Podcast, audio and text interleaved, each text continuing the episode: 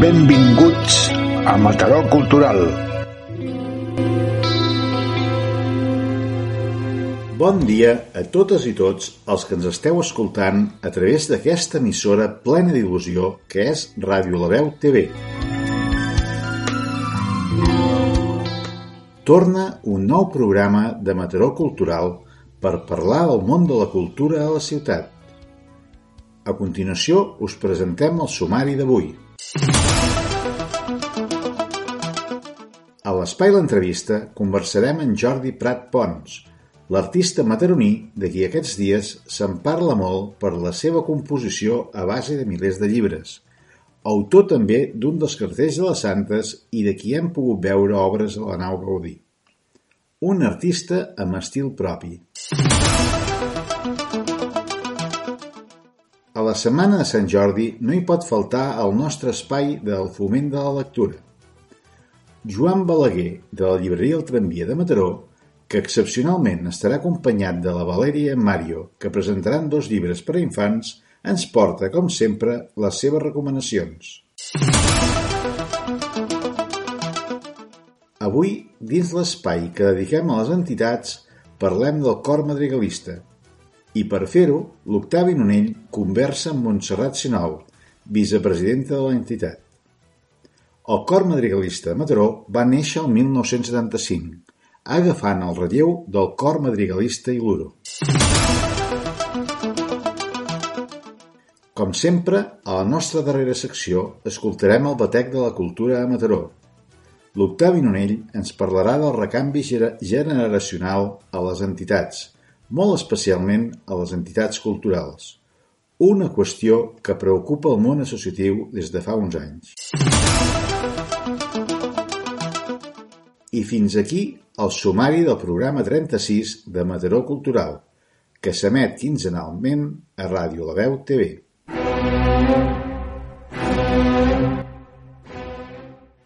Comencem el programa amb la primera de les nostres seccions, l'entrevista, com us hem dit al sumari, avui conversarem amb l'artista mataroní Jordi Prats Pons, un artista amb estil propi que treballa el collage a la perfecció.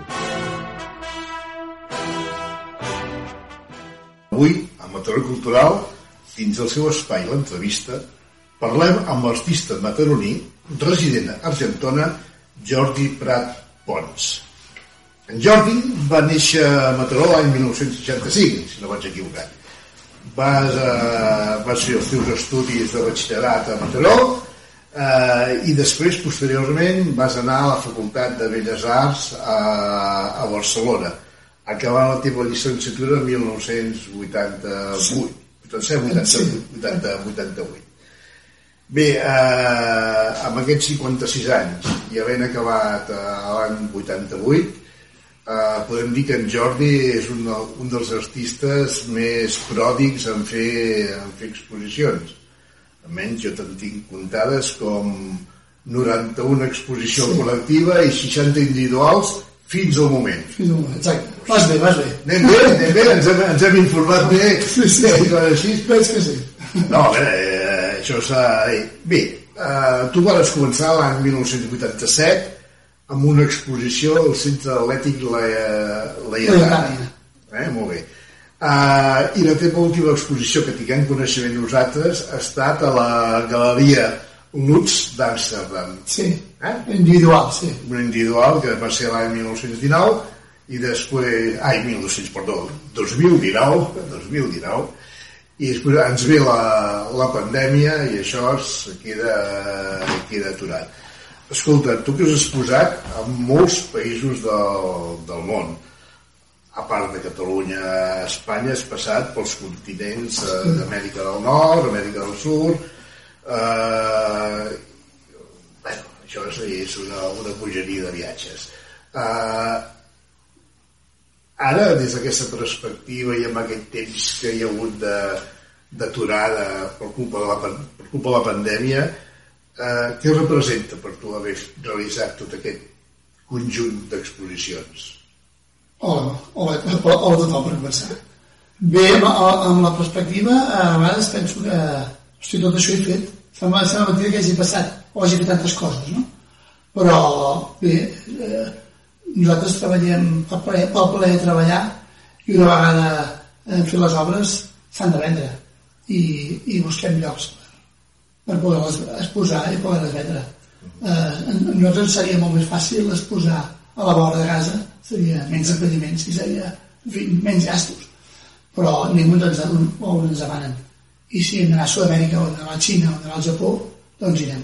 Sí, sí, això és un, és un grau de satisfacció i d'il·lusió, no? Home, com, quan, quan eh, vaig posar, exposar, per exemple, a Argentina, pues, eh, mai s'havia passat pel cap poder anar tan lluny. I vaig estar a Buenos Aires, vaig estar a Mèxic, la capital, sí. i estar a Los Angeles, a Nova York, estat a Miami, eh, a Dubai, eh, a mitja Europa, dir, no, no, en aquest sentit no puc queixar.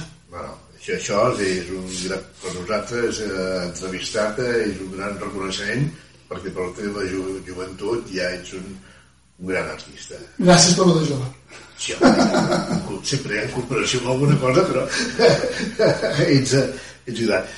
Molt bé, escolta, Jordi, tu tens uh, escrit una frase que a mi em va, em va, em va agradar. Diu, acabar un quadre em produeix una sensació de liberació, però al mateix temps m'empeny a començar-ne un altre. Això significa que et mous també pel camí de les sensacions.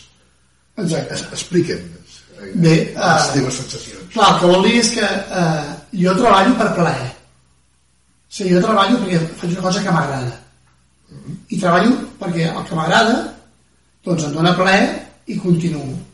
Quan estic acabant un quadre ja penso en l'altre perquè per mi el plaer és el treball, és treballar. Aleshores, quan jo estic gravant un quadre, sé que aquell ja s'acabarà i necessito un altre per continuar.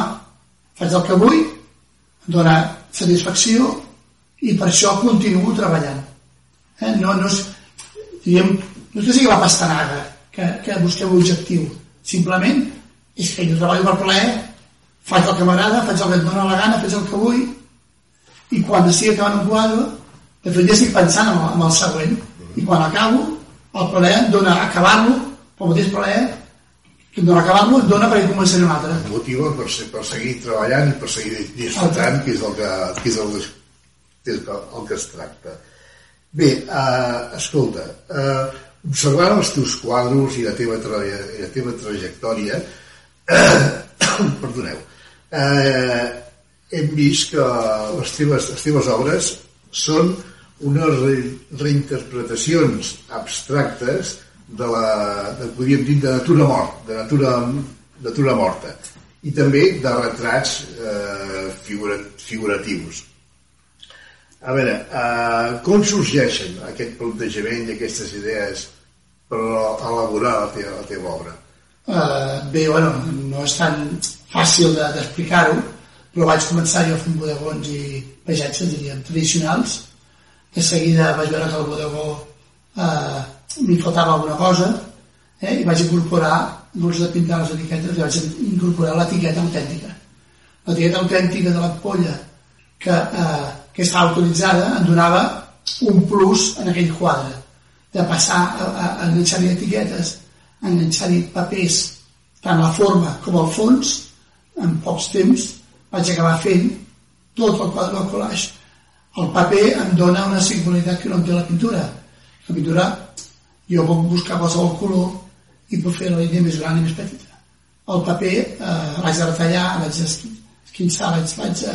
no és tan malejable com, com la pintura i això em dona unes formes, unes textures totalment diferents que, que em porten una mica més no a l'extracció pura sinó al sentit estètic de l'extracció eh? i això eh, eh, em complementa eh, aquest, que és més esperit figuratiu que tinguem al fons. O sigui que, per tant, eh, dient d'això, eh, podem dir que del, del collage n'has fet una, una tècnica d'expressió artística i, eh, i a més a més eh, és la teva paleta de colors, perquè sí. els papers són de diferents colors, jugues, malgrat que després en pots pintar o pintar o pintar un.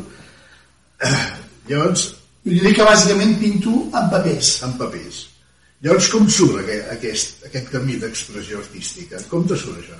Uh, clar, després de veure uh, les parets amb els pòsters enganxats uh, i els colors, sigui, quan, quan tu veus una, una, una paret amb pòsters i la raig enganxar no et diu res, però quan passa el temps i els veus trencats, esquinçats i amb, i amb, el, amb el temps, amb la pluja, amb la sorra que han agafat diferents tonalitats o el, el sol els ha cremat llavors jo veig un quadre aspecte uh -huh.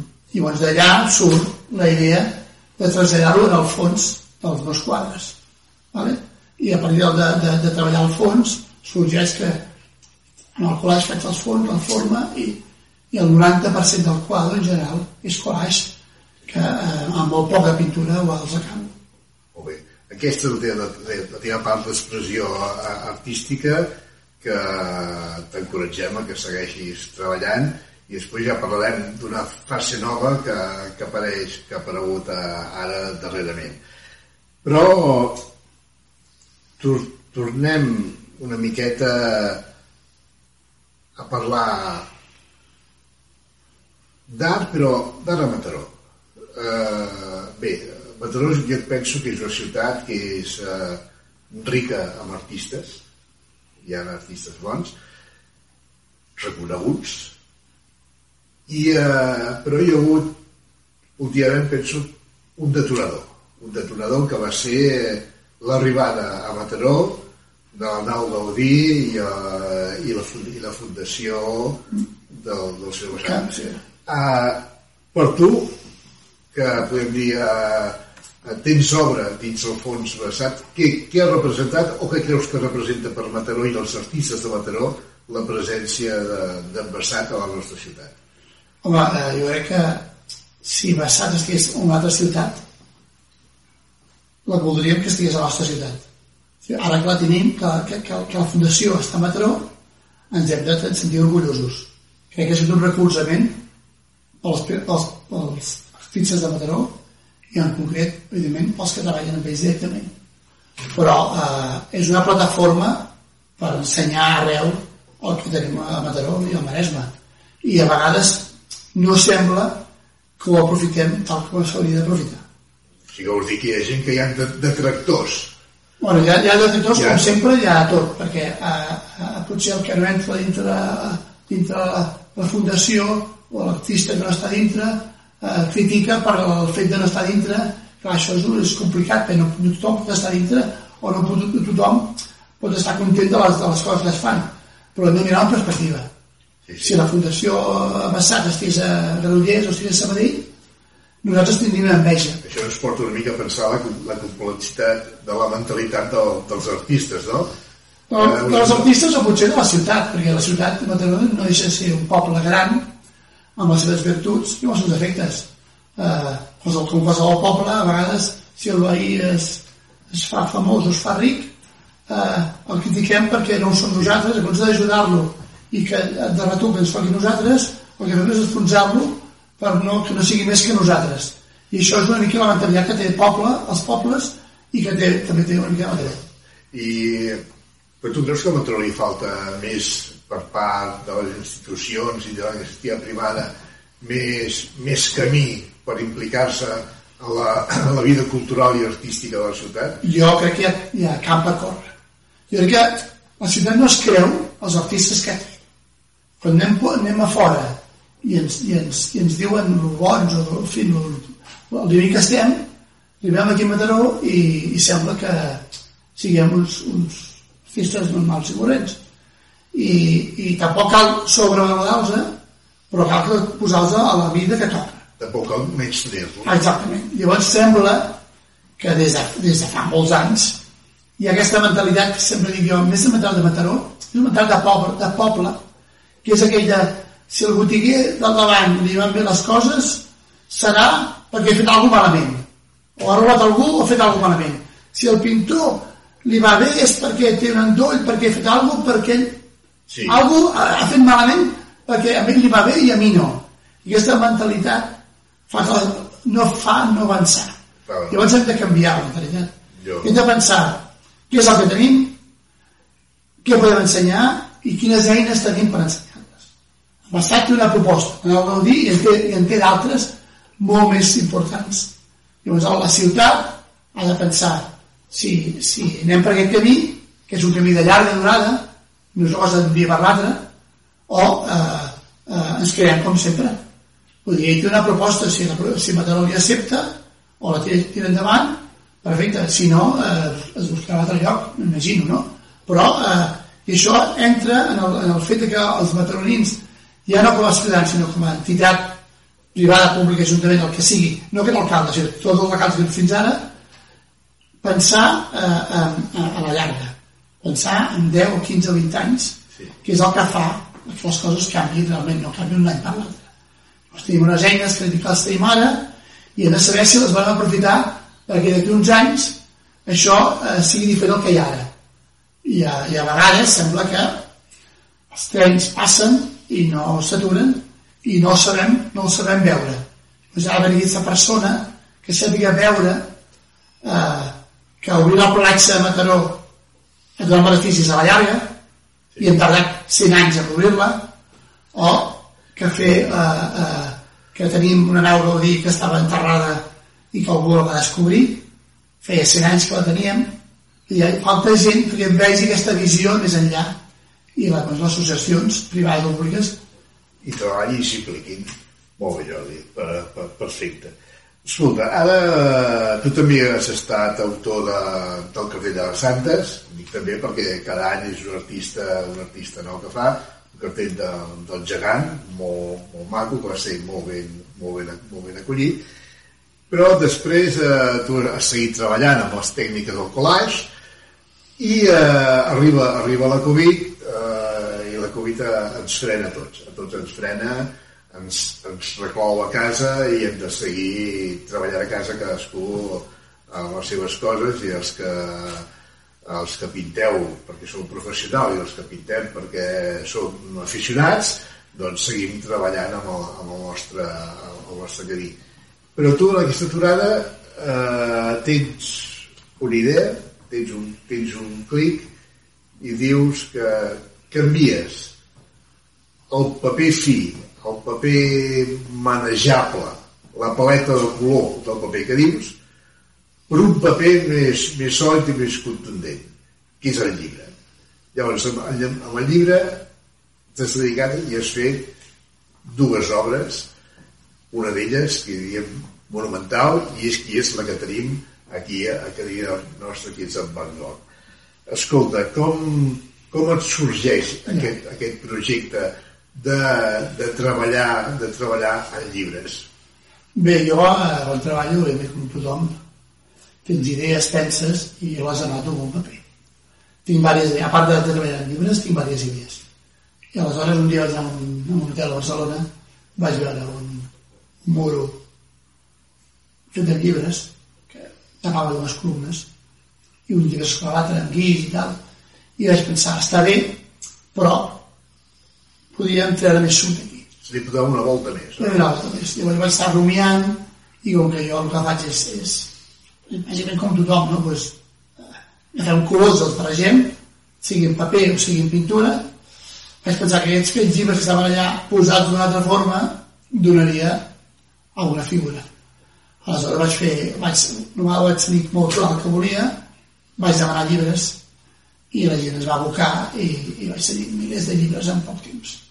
Vaig buscar l'espai, vaig buscar com fer-ho, que tècnicament em va, és el que em va, em va provocar més problemes, perquè els llibres, eh, eh, segons els enciclopèdies pesen molt, els llibres de butxaca pesen poc, s'aixafen, eh, posar enciclopèdies sobre llibres de, de butxaca cau tot, eh?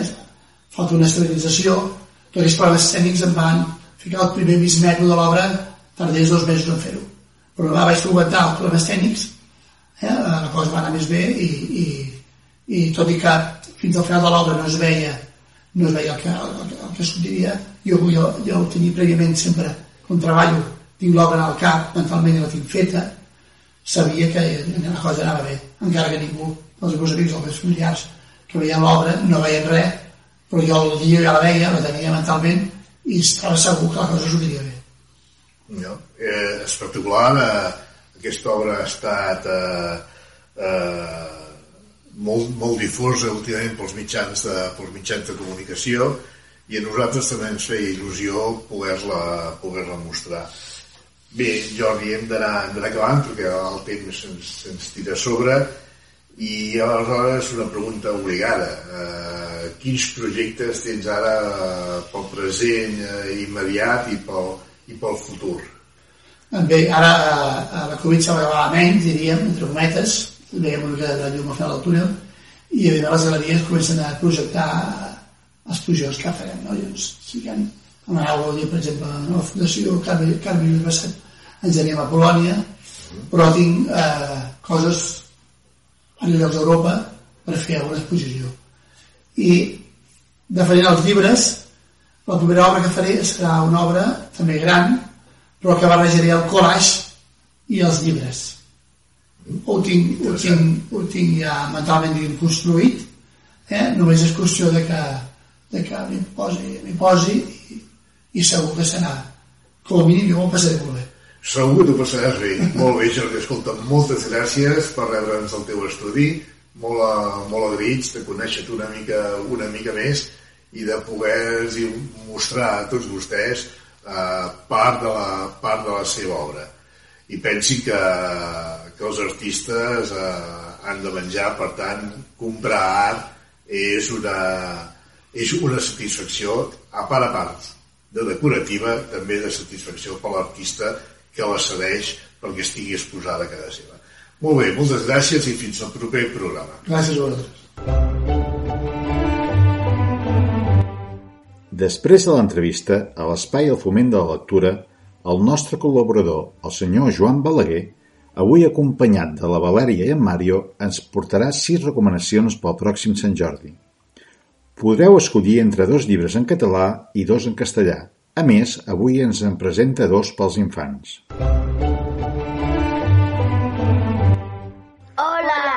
Som el Mario i la Valeria. I com a viats a la Sant Jordi, us volem presentar dos llibres. Esperem que us agradi. Adeu. Hola, sóc el Mario i us vull presentar un llibre que se llama Laura i companyia. Ho recomano. Ah, vale, adeu. Hola, em dic Valeria. Us vull presentar un llibre que es diu Carina Marina. El llibre que us presento és per nens i nenes de cinquè de primària. Espero que us agradi molt i ha sigut un plaer presentar-vos aquest llibre. Espero que us agradi. Fins un altre. Hola, bona tarda.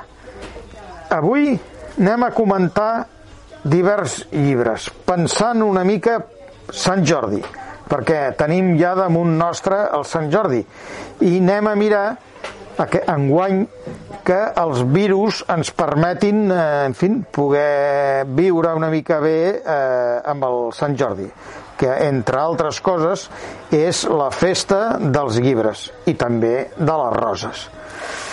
Anem a veure, anem a comentar primer dos llibres en català i dos en castellà. Comencem primer aquests dos. Hem triat primer el fill del xòfer, del Jordi Amat. En molts pocs mesos s'han fet nou edicions i realment ha agafat, la, ha agafat gràcia.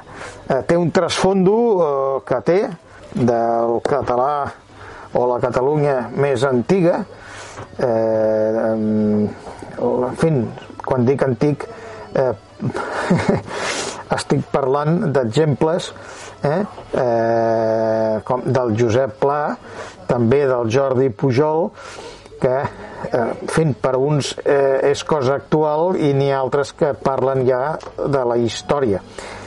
Eh, anem a veure. El llibre s'ha venut molt bé, eh, com tota novel·la, posa per damunt eh, el, una qüestió política que és la pujada i la baixada del fons Quintà i, i els secrets que portava dintre de la Generalitat de Catalunya. Per tant, és un llibre mm, realment eh, català. Eh, lo del fill del xòfer, sempre els xòfers han tingut un, un xòfers, cuidado, dels que han sigut xòfers de polítics del més alt, eh?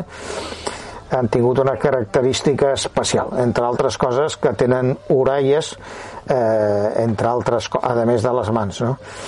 Bé, aquest llibre, repeteixo, s'ha venut molt bé en poc temps. A continuació,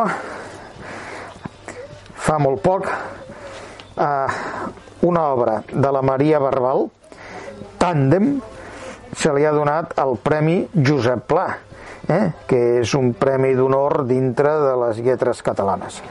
En, en poques setmanes s'ha fet dos o tres edicions i pensem que serà un llibre també dels que es veurà, es, en fi, que anirà bé per Sant Jordi. Eh, el trasfondo de, del llibre és una història sobre la felicitat. Eh, la felicitat, evidentment, és una cosa relativa i difícil de, de definir, però aquest és el trasfondo de l'obra. Pensem que també es vendrà bé per Sant Jordi. Ahora pasamos a dos libros en la lengua castellana. Vamos a ver, hemos escogido primero un libro que de hecho son cinco, porque este fue el, el primero, Reina Roja, de Juan Gómez Jurado, que se ha ido vendiendo, ellos dicen que un millón de lectores. Bueno, yo casi casi no me lo creo, pero si lo dicen, será verdad. Ha salido cinco ediciones, no, no es verdad, cinco libros, eh, el segundo, tercero, sobre el mismo tema, pero yo pongo el número uno. Se han hecho, el que tengo en este momento en la mano, es la 5-5 edición. ¿eh?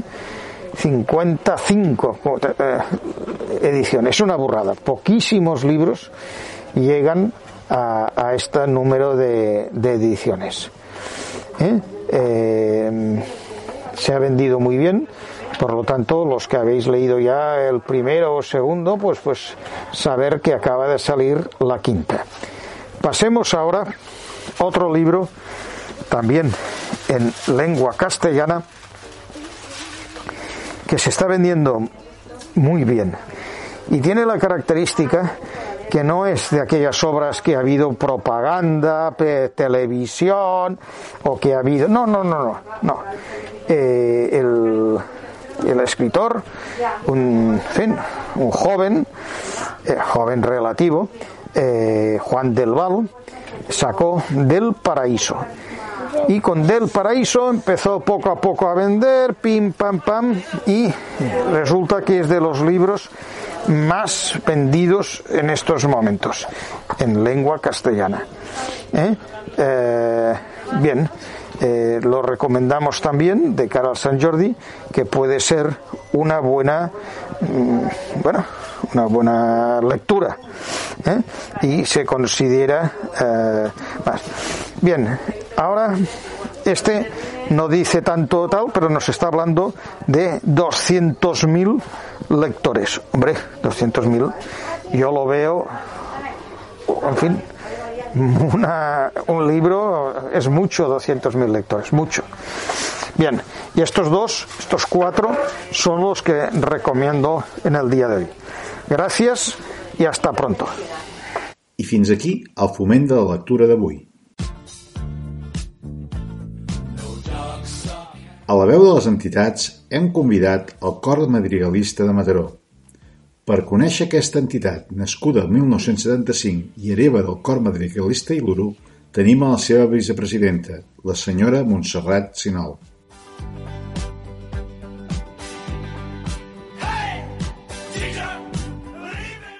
Hola, benvolguts seguidors de Mataró Cultural. Avui dins de l'espai l'entrevista a les entitats parlem amb Montserrat Sinol, que és la vicepresidenta del Cor Madrigalista i ens explicarà què és el Cor Madrigalista. Hola, Montserrat. Hola. Explica'm què és el madrigalisme d'entrada. Què és el madrigalisme? A veure, per explicar el madrigalisme és una mica complicat, tampoc en soc tan, tinc tanta coneixença, però el madrigalista ve del segle, crec, del segle XIV o XV. Sí, sí? em sembla consta, I, sí, una sí, cosa sí. així. I doncs era um, una manera de fer música, a més a més era música profana, era música profana, i eh, aquesta manera de fer música era per fer polifonia, normalment eh, es cantaven, quan es cantaven madrigals, es cantaven eh, 3, 4, 5, 6, fins i tot 7 veus diferents i eh, tinc entès, sobretot els anglesos, que era molt costum a les cases, una casa qualsevol, una família qualsevol, que es posaven a cantar, cadasqual cantava la seva veu, i, i era, va ser una manera de, de fer música, no? Aleshores la cosa doncs, va anar evolucionant dintre aquest món. Eh? Els madrigals, eh, per cert, els que jo conec, conec uns quants, són molt bonics però una miqueta complicats una miqueta complicats d'interpretar. Clar, perquè això representa una, una feina força feixuda, m'imagino, per al que d'alguna manera porta la batuta, el director, combinar sí, clar, les, sis, les 6-7 veus a vegades. Que... Està clar, està clar. A veure, el més important és que cadascú sàpiga, o sigui, s'hagi après molt bé la seva veu per ajuntar després i que, i que soni la polifonia tal com ha de sonar. Això requereix d'entrada, de, per, per dir-ho d'alguna manera, jo com a profà pregunto, sí? eh, requereix una mena de director de cada veu, per dir-ho així, una mena de... algú que marqui una miqueta cada veu? A veure, el director ens marca els temps i ens marca aquestes sí. coses, però és clar, el que és molt important és que la gent tingui nocions de música, o sigui que perquè uh -huh. és clar, si ja coneixes música, llegeixes la música i aleshores doncs t'has acostumat, però clar, en aquell temps la música era, era una cosa que, que, que, que es practicava molt sí. eh? i que eh, coneixements musicals n'hi havia a molts llocs. Molt bé. Eh, vosaltres eh, vareu néixer el 1975 com a, com a cor madrigalista de Mataró, sí. agafant el relleu de, del cor madrigalista i l'Uro. Dels madrigalistes d'Iluro, això mateix. Ens pots explicar una mica això? Sí, mira, els madrigalistes d'Iluro eh, els va fundar el senyor Taltabull, Cristòfol Taltabull, músic, eh, que va néixer, crec que va ser el 1880 i pico, crec, uh -huh. eh, i doncs eh, aquest senyor mm, va estar voltant molt pel món i resulta que tenia coneixença de famílies de Mataró, concretament la família Majoan i la família Esquerra sí. de Mataró.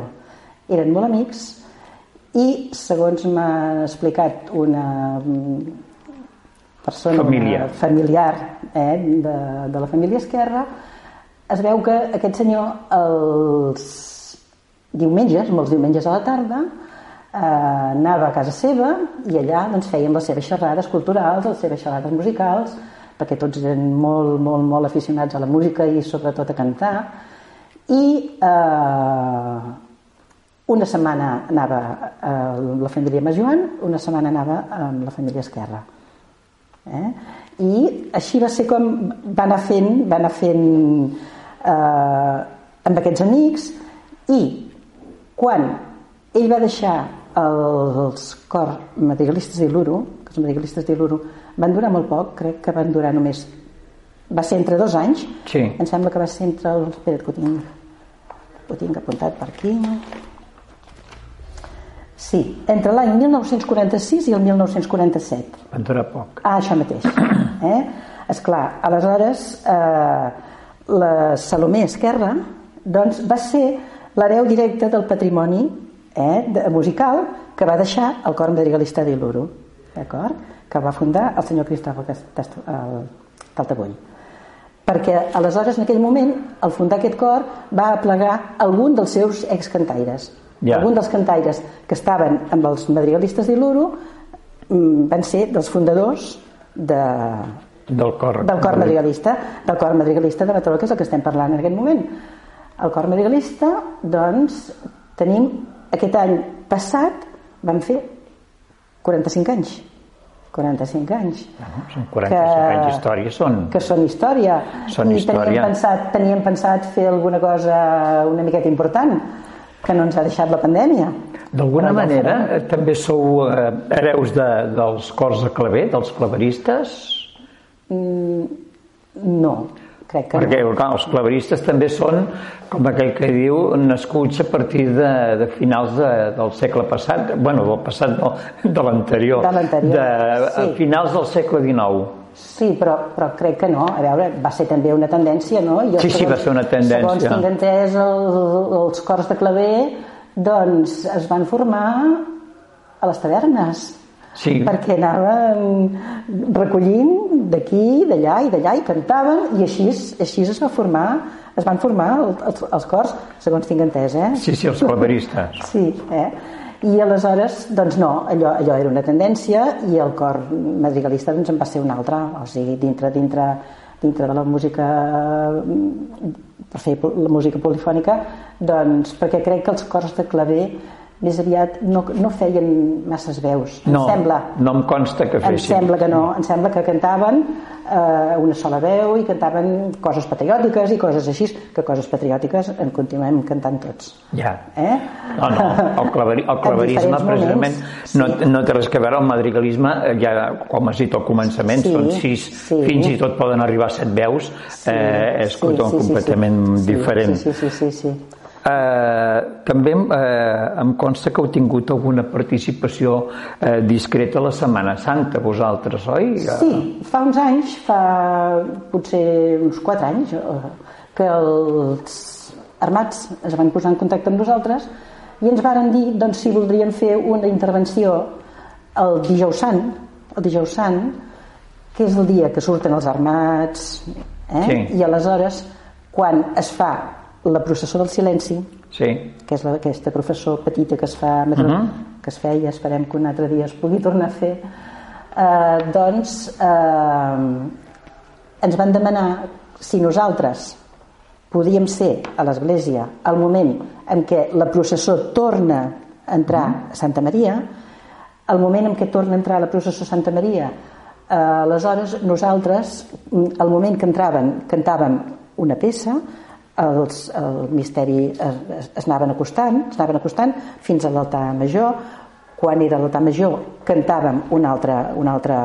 fèiem una intervenció petita, dos, màxim tres peces, però el temps que ho vàrem fer va ser molt bonic, va ser molt emotiu perquè, és clar ja triàvem també unes peces adients, eh? I, i està clar, i és un acte molt bonic que queda molt recollit i molt adequat per acabar doncs, la processó del silenci. Sí, sí, sí, sí. Esperem, esperem si Déu vol i les coses es normalitzen, que hi puguem tornar, perquè l'any passat ja no es va poder fer. I Aquest any aquest, tampoc. aquest estem en el Esperem- mateix camí. Esperem, esperem poder tornar-hi dia. la, la vostra participació en el concert de primavera. Fèieu concert de primavera a Sant Josep? Ho havíeu fet? Concert de... Sí, fèieu un... Mira, nosaltres sempre que hem tingut ocasió de fer algun concert l'hem aprofitada. I si en aquest cas doncs, era el concert de primavera, doncs era un concert de primavera. Però nosaltres, els nostres concerts mm, que hem fet sempre, sempre, ha sigut el concert de Nadal, que el fem sempre el 25 de desembre, el Sí. mateix dia de Nadal, Sí. el mateix dia de Nadal al, al, al vespre, a, a les 8 del vespre així, eh, i aleshores el concert que fem cada any participant dintre el programa de Festes de les Santes al Pati de les Caputxines. O sigui, aquests dos són els dos concerts que sempre, sempre, sempre fixes fem. Ara, eh, hem fet també col·laboracions amb altres coses. Per exemple, hem participat a Llavaneres a la, la festa major de la Minerva ens van demanar ja fa 3 o 4 anys si podíem anar a cantar el dia de la missa, la missa solemne Està bé. i hem interpretat mm, misses allà doncs una missa de Gonot hem interpretat eh, i vam ser-hi eh, un any, dos, tres anys tres anys, l'any passat ja tampoc a causa No, de la eh. pandèmia aquest any Sí, tampoc. no, no, aquest, eh, aquest és el problema la, Però sí. que, que, que, que ens porta, Sí, sí, sí, que ens sí, porta sí, sí, tots sí, a cap, no? Sí, sí, sí, sí. Hem fet també més col·laboracions, eh? Es va muntar uns cors que cantaven òperes amb diferents, amb diferents cors, amb, Sí. amb diferents cors de, de Montgat, de, de, de diferents llocs del Maresme, Sí. i vam fer un, un, un conjunt de cors important i cantàvem tot fragments d'òperes molt bonics. Bueno, això d'alguna manera... Això també va ser una col·laboració que, vam, que, vàrem, que vàrem fer. I sempre que hi ha hagut, ja et dic, eh, ocasió i que ens han demanat algú per participar, per descomptat, que A mi em constava això, que havíeu fet eh, col·laboracions Sí, sí, sí, amb altres sí. poblacions Sí, sí, sí, i sí, tot, eh, i, Sí, veieu, sí. i, Sí. bueno, i, i em constava això que et deia abans, el cor de, eh, que havíeu fet un concert de primavera que es havia fet a, a Sant Josep, que feia, em sembla que participaven dos cors, el cor madrigalista de Mataró i un cor invitat, o em sonava una cosa És possible. Una vegada recordo que vam cantar eh, a Sant Josep, a Sant Josep també, el que no sé si se'n deia concert de primavera, vam cantar amb el cor Laixa, que llavors en aquell moment dirigia el Jordi Lluc. Uh -huh. I vam cantar, ells van fer una participació i nosaltres una altra.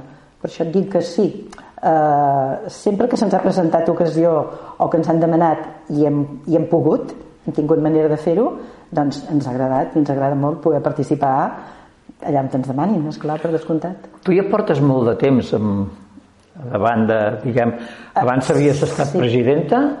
No, o bueno, havies... a veure, no, és que al Cor Madrigalista mm, tenim una, uns estatuts que eh, vàrem implantar perquè, és clar, què passava? Que les, les juntes, eh, suposo que passa com a totes les entitats, que molta gent no es vol comprometre o no vol o no pot o passen aquelles coses, no?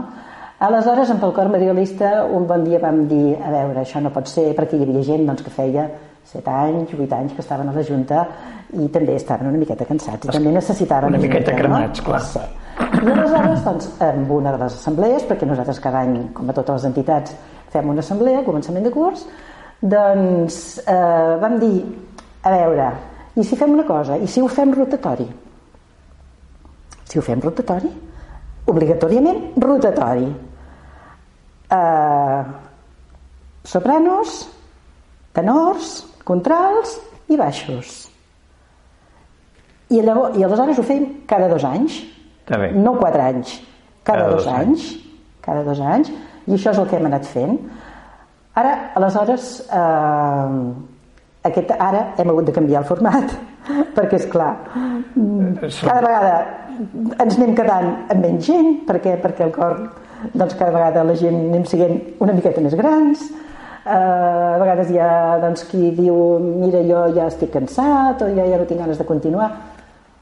Costa molt trobar gent moltíssim moltíssim. I tot i que nosaltres hem mirat de fer mm, eh, propaganda per recollir gent costa molt trobar gent trobar sobretot gent no sé, tampoc no demanem gent de 20 anys millor si poguessin venir però per exemple, no sé, entre els 50 60, 70 doncs ja estaria molt bé, no? i però això Clar, a costa. vegades possiblement a la gent li pot semblar que mira, és molt maco, està molt bé, però eh, m'agradaria, però és que jo no tinc veu, clar. Eh, A veure, això és una cosa que mm, la veu, eh, practicant-la, sí, mm, vas fent, vas fent, eh? I a vegades dius, veus, ja em semblava que aquí no hi arribaria, i, i mira, mica en mica, doncs tampoc és tan complicat. Bueno, jo recordo, Tampoc és tan complicat. Jo recordo una entrevista a, a la senyora Montserrat Cavaller, que Pau descansi, que explicava que ella era capaç de, capaç de, de, de cantar estant constipada i ningú se'n donava compte de la manera que tenia educada la veu. Clar, això estem parlant d'un nivell molt alt. Però clar, a nivell més de poble, més eh, de, de, de, de, de tocar a terra de nosaltres, Sí. clar, mm, educar, educar la veu ens sembla una cosa que està fora, diguem, de, de, de, A veure, és... de les nostres possibilitats i possiblement no, sigui així, no? No, no, no està fora de les possibilitats de ningú. Mhm. Fan falta ganes. Molt bé. Això és el que fa falta, ganes. Molt ganes bé. de cantar, i si tens ganes de cantar, doncs, eh, mm, esclar, el director, doncs, si algú us vol incorporar al, al, al cor, el director fa una prova de veu, eh, mira, doncs tu pots cantar de soprano, tu pots cantar de contral, inclús hi ha senyores que canten de tenors, uh -huh. perquè no es veuen, canten de tenors, i això no aquí, això jo he cantat amb cors participatius que s'han fet a Barcelona, Masies i coses participatives, hi ha moltes senyores que canten de tenors. Vull dir que tots són ganes. Qui en tingui ganes, que vingui, que el director li farà una prova i si podem incorporar gent, perquè és que si no podem incorporar gent, això va fent així, es veus? Clar hem de mirar d'incorporar gent. I amb el temps... En aquest moment teniu de directora a la Clàudia Dubé? La Clàudia Dubé, sí. Teníem de directora a la, abans a la Ranfield i ella, aleshores ella mm, va ser mare i al moment de ser mare, al cap de poc, va sortir la pandèmia i aleshores, clar, molt normal, molt normal. Bueno, restriccions, doncs, prevenció... Ella, ella, per prevenció i per totes les coses, va dir que de moment ho deixava i ens va deixar, doncs, ens va dir doncs, que ja teníem eh, la Clàudia, que la Clàudia ja col·laborava amb nosaltres. La Clàudia col·laborava amb nosaltres um, quan fèiem coses, per exemple, un dels concerts que vàrem fer per Santes, que va uh -huh. ser el dia que la Clàudia va presentar la, la, la seva orquestra, l'orquestra de Mataró, sí. vam fer un concert tot de musicals, amb fragments de musicals, i va ser molt bonic, perquè l'orquestra feia les seves, hi havia solistes, hi havia el cor, vull dir-te que va ser un concert diferent, eh? però vull dir-te que coses n'hem fet, i n'hem fet moltes. Durant, durant l'estoneta aquesta que estem parlant ha sortit una cosa diverses vegades. El que no podem fer, que no heu pogut fer, que teníeu previst. A darrere, no hem pogut?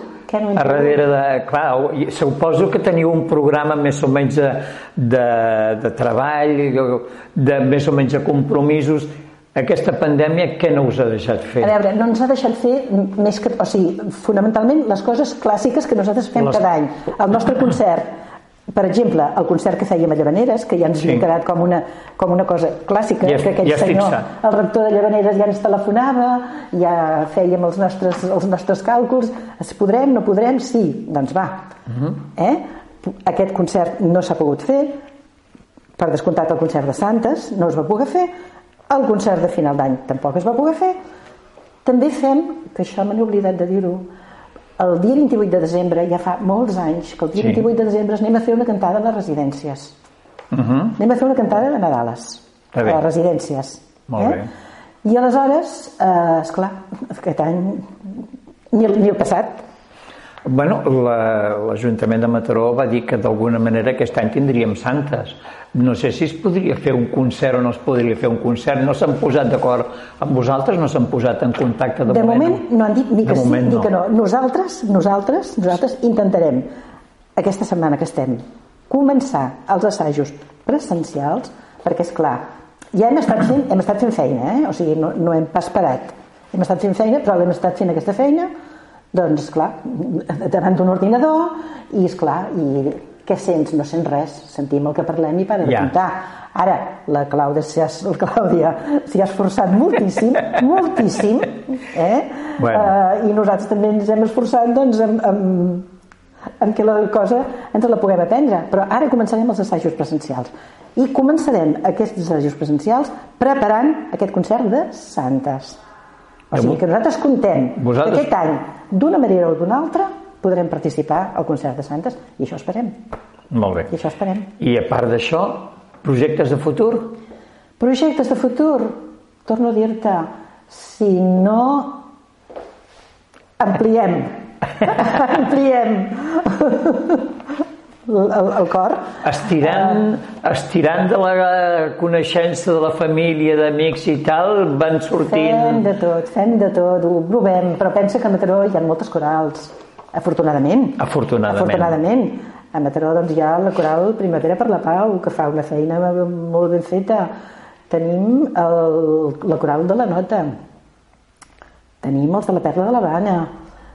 Tenim el cor Ciutat de Mataró, que això ja no en parlem, això ja són coses majúscules. Sí, bueno, però tant vosaltres porteu 45 anys d'història, no, eh? Portem 45 anys d'història eh, i hem fet és? moltes coses, hem fet moltes coses i hem fet obres molt maques. Eh? però és clar, eh, torno a dir la gent cada vegada ens anem fent tots plegats més grans mm, no ens hi veiem tant en cor i la veritat necessitem, necessitem que s'apunti gent, perquè si no... Molt bé. Si no, no plegarem, eh? No plegarem. No, no, fins al final. Mentre quedem, mentre quedem ni que sigui les veus per corda, i la Clàudia ens vulgui anar dirigint, anirem fent-ho. Molt bé. Això és el que tenim. Molt bé, doncs, eh, moltes gràcies, Montserrat.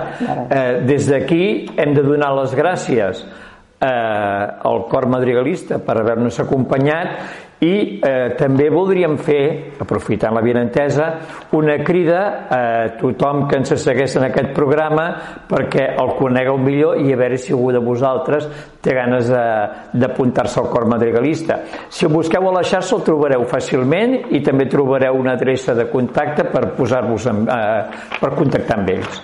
Moltes gràcies a tots i gràcies per seguir-nos a Mataró Cultural.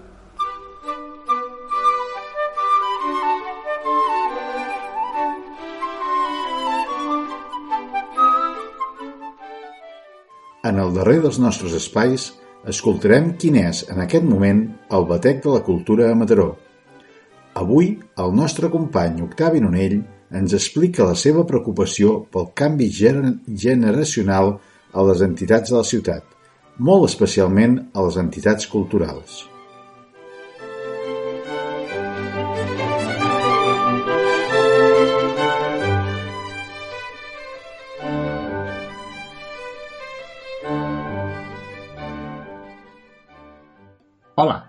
Benvolguts seguidors de Mataró Cultural, benvolguts seguidors del Batec de la Cultura.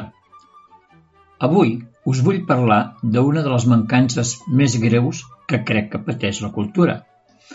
En el decurs d'aquest programa hem fet una entrevista a la senyora Montserrat Xinol, en representació del Cor Madrigalista de Mataró, una entitat amb més de 45 anys d'història i amb una reconeguda trajectòria cultural tant a la ciutat de Mataró com a fora.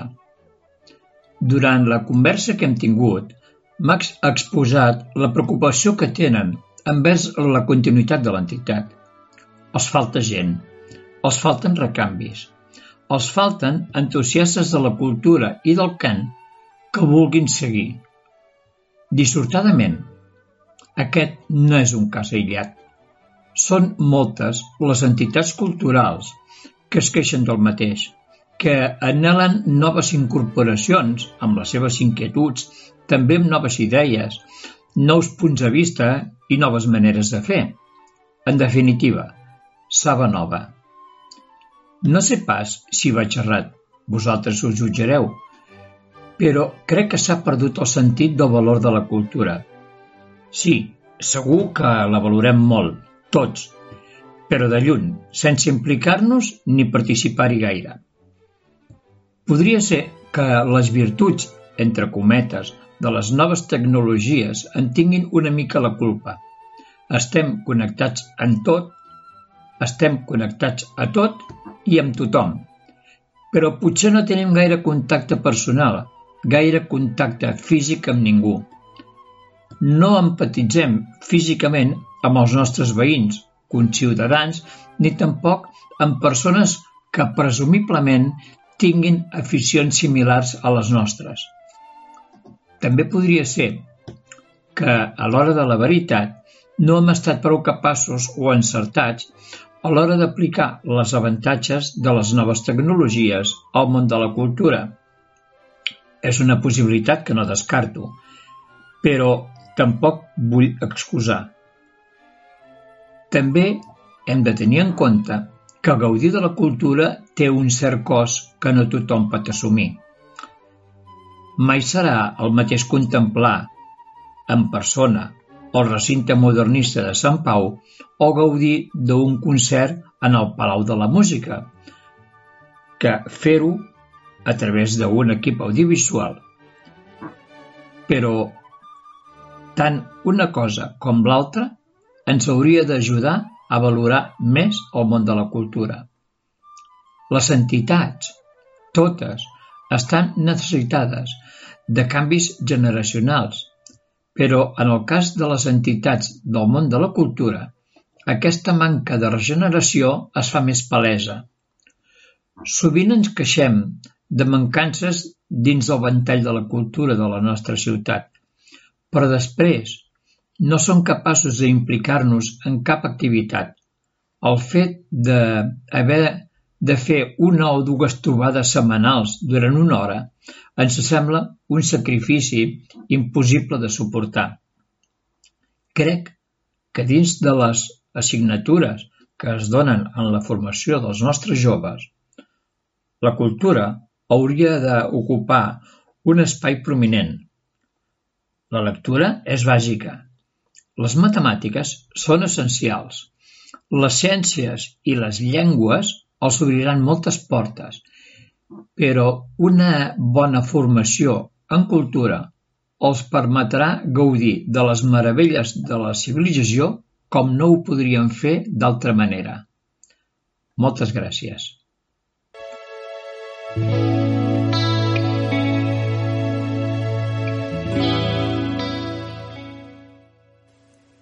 Per avui res més. Això sí, com sempre, desitjar que el programa us hagi agradat i dir-vos que tornarem a trobar-nos el pròxim 2 de maig per conèixer més protagonistes de la cultura local, noves publicacions i una nova entitat, a més d'escoltar com batega la cultura a Mataró. Fins molt aviat!